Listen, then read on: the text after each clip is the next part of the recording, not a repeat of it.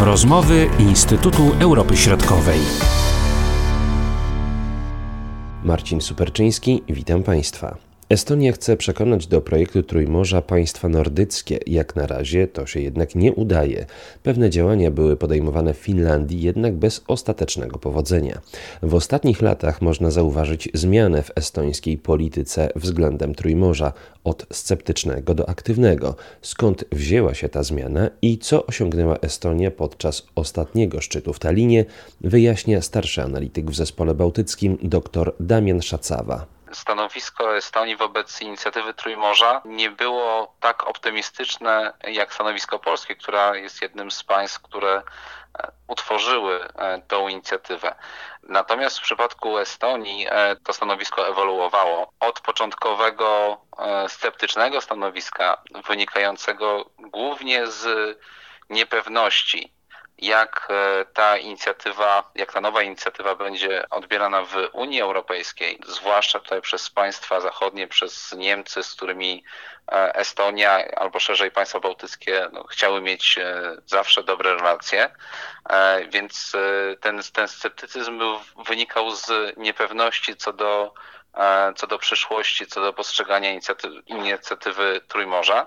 Natomiast on stopniowo znikał w kolejnych latach, gdy okazywało się, że e, inicjatywa Trójmorza nie jest projektem, który ma zastąpić Unię Europejską, ma zastąpić integrację europejską, a no, jedynie albo, e, albo aż e, ją wzmocnić poprzez powiązanie państw z Europy Środkowej licznymi projektami głównie o, o, charakterze infrastrukturalnym, energetycznym, komunikacyjnym i, i, cyfrowym. Ale tutaj widać, że właśnie z punktu widzenia chociażby y, tego, które projekty są dofinansowane w pierwszej kolejności, to są te projekty na przykład energetyczne, nazwijmy je w ten sposób, y, które właśnie bezpośrednio wiążą się z państwami nadbałtyckimi, w tym ze Estonią. Tak, no tutaj te, te projekty energetyczne są ważne dla wszystkich państw bałtyckich z racji tego, że państwa bałtyckie no, przez wiele, wiele lat y, funkcjonowały i jeszcze wciąż funkcjonują jako taka bałtycka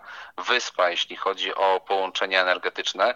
To się pomału zmienia, znaczy są, e, są realizowane, są wdrażane e, projekty, które mają e, połączyć państwa bałtyckie z Europą kontynentalną, e, więc to są, to, to jest taki naj, naj, naj, największa, e, największa zasługa i, i to jest to, to widoczne. To, to, ma, to, to jest związane z rynkiem gazu, to jest związane z rynkiem e, energii elektrycznej, ale to jest również związane z infrastrukturą komunikacyjną.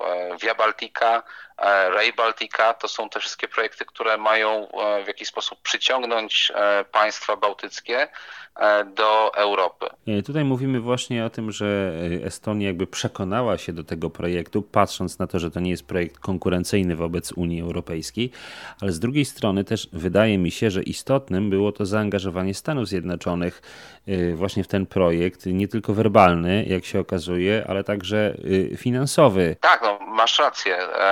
To z jednej strony oczywiście to e, przekonanie się Estonii do inicjatywy Trójmorza wynikało z E, no, z tego, jak ona, jak ona był, pozycjonowała się wobec e, integracji europejskiej, ale bardzo ważnym czynnikiem tutaj stanowiska Estonii, ale też innych państw bałtyckich jest zaangażowanie Stanów Zjednoczonych. To generalnie był czynnik, który dodał no, nowej jakości tej inicjatywie, dlatego że tradycyjnie Stany Zjednoczone, polityka Stanów Zjednoczonych w sferze E, bezpieczeństwa e, jest e, kluczowa dla państw bałtyckich. One, Stany Zjednoczone są gwarantem bezpieczeństwa państw bałtyckich i one doskonale zdają sobie z tego sprawę. Natomiast jeśli chodzi właśnie o Estonię i o te relacje polsko-estońskie, co moglibyśmy o nich powiedzieć dzisiaj? Na ile mm, to jest nowa jakość, na ile kontynuacja pewnych projektów, które były wcześniej realizowane? ja mam wrażenie, że tutaj mówimy cały czas o kontynuacji i mówimy o dobrych relacjach. E, one się na moment e, jakoś zachwiały w, na wiosnę tego roku, gdy pojawił się problem dotyczący tranzytu obywateli państw bałtyckich, w tym tranzytu Estończyków przez terytorium Polski do, no właśnie do Estonii.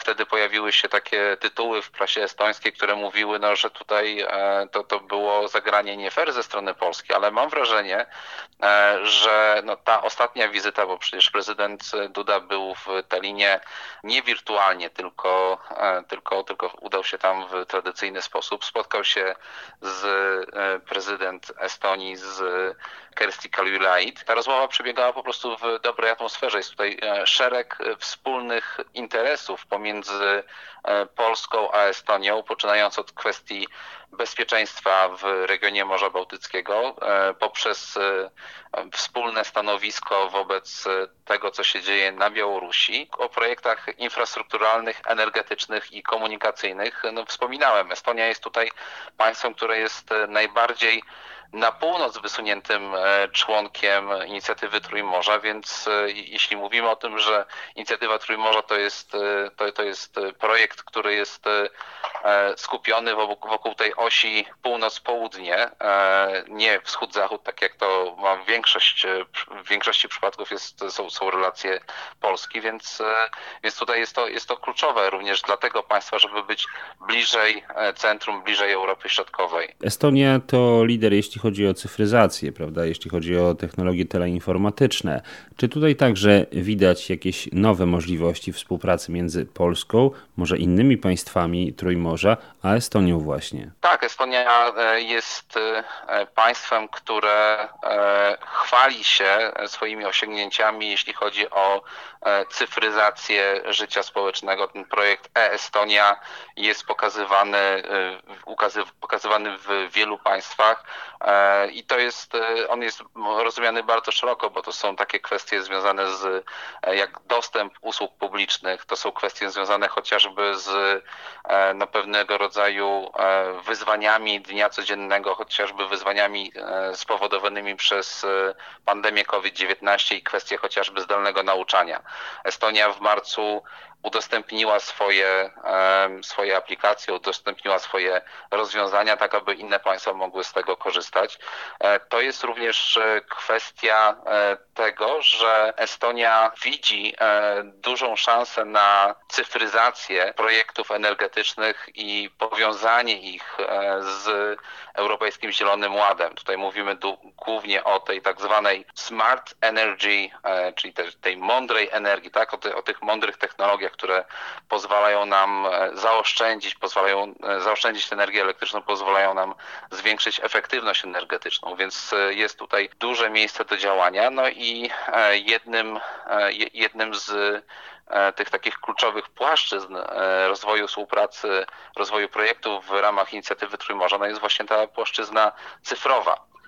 I tutaj Estonia ma dość dużo do, do pokazania i do um, zainspirowania pozostałych, e, pozostałych państw, w tym także Polski. A co jeśli chodzi o relacje Estonii z państwami nordyckimi w tym kontekście? No, no właśnie e, Estonia tutaj póki co e, nie odniosła jakiegoś znaczącego sukcesu, dlatego że e, Estonia, która jest tym państwem najbardziej na północ wysuniętym, e, ma bardzo bliskie relacje z państwami nordyckimi. No i najważniejszym partnerem gospodarczym chociażby jest Finlandia, która znajduje się po drugiej stronie zatoki. Jest to najważniejszy partner, jeśli chodzi o, o import, jak i, jak i eksport z Estonii. Więc Estonii zależałoby, aby ta inicjatywa Trójmorza morza nie ograniczała się do tych 12 państw, ale być może, żeby ona została również e, roz, mm, rozszerzona na, na, na, państwa nordyckie. Natomiast e, tutaj no, brakuje zainteresowania z tej drugiej strony. No, do tanga trzeba dwojga. E, w tym momencie jest jeden partner, jest Estonia, która jest tym zainteresowana. Norwegia, Szwecja nie podejmują tego tematu. W Finlandii ten temat się pojawił. Znaczy pojawił się temat tego, że, że Finlandia Finlandia zyskałaby na e, przystąpieniu do tej, e, do, do, do, tej inicjatywy, do inicjatywy Trójmorza, no ale on się generalnie pojawił e, w kontekście pomysłu e, młodzieżowego skrzydła Narodowo-Konserwatywnej Partii Finów, która wezwała rząd do podjęcia działań, ale no, ta inicjatywa się rozmyła, e, głównie dlatego, że no, ta młodzieżówka Partii Finów została rozwiązana w dość e, no, takich nieciekawych okolicznościach związanych z zarzutami o propagowanie faszyzmu.